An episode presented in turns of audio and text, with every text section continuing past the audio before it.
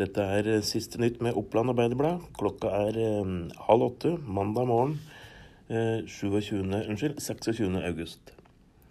Det er mulig det er den gamle Vazelina-sangen 'Fem fyrer med ved' som eh, man hører i bakgrunnen når Rune Garli og Arne Bruflat jobber med ved. Det gjør de nemlig ofte. De to starter Valdres Vedsenter i 2018 og sier til Oppland Arbeiderblad at, at eh, de har mer enn nok å gjøre.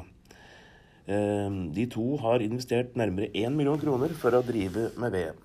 Den leverer de enten i kubikk, eh, i- i kubikk 60 eller 40 liters sekker. Etter noen år eh, i andre land og jusstudier i Oslo, så ville Magnhild tilbake til bygda. Hun flyttet fra etter ungdomsskolen. Da hun var ferdig utdannet advokat, så flytta hun litt mot strømmen hjem igjen til Etnedal.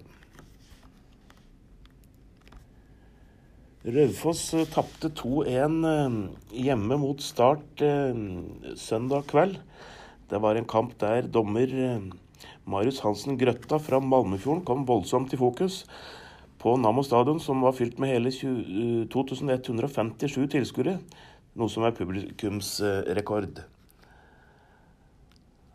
Det var to, spesielt to situasjoner dommeren kom i fokus for.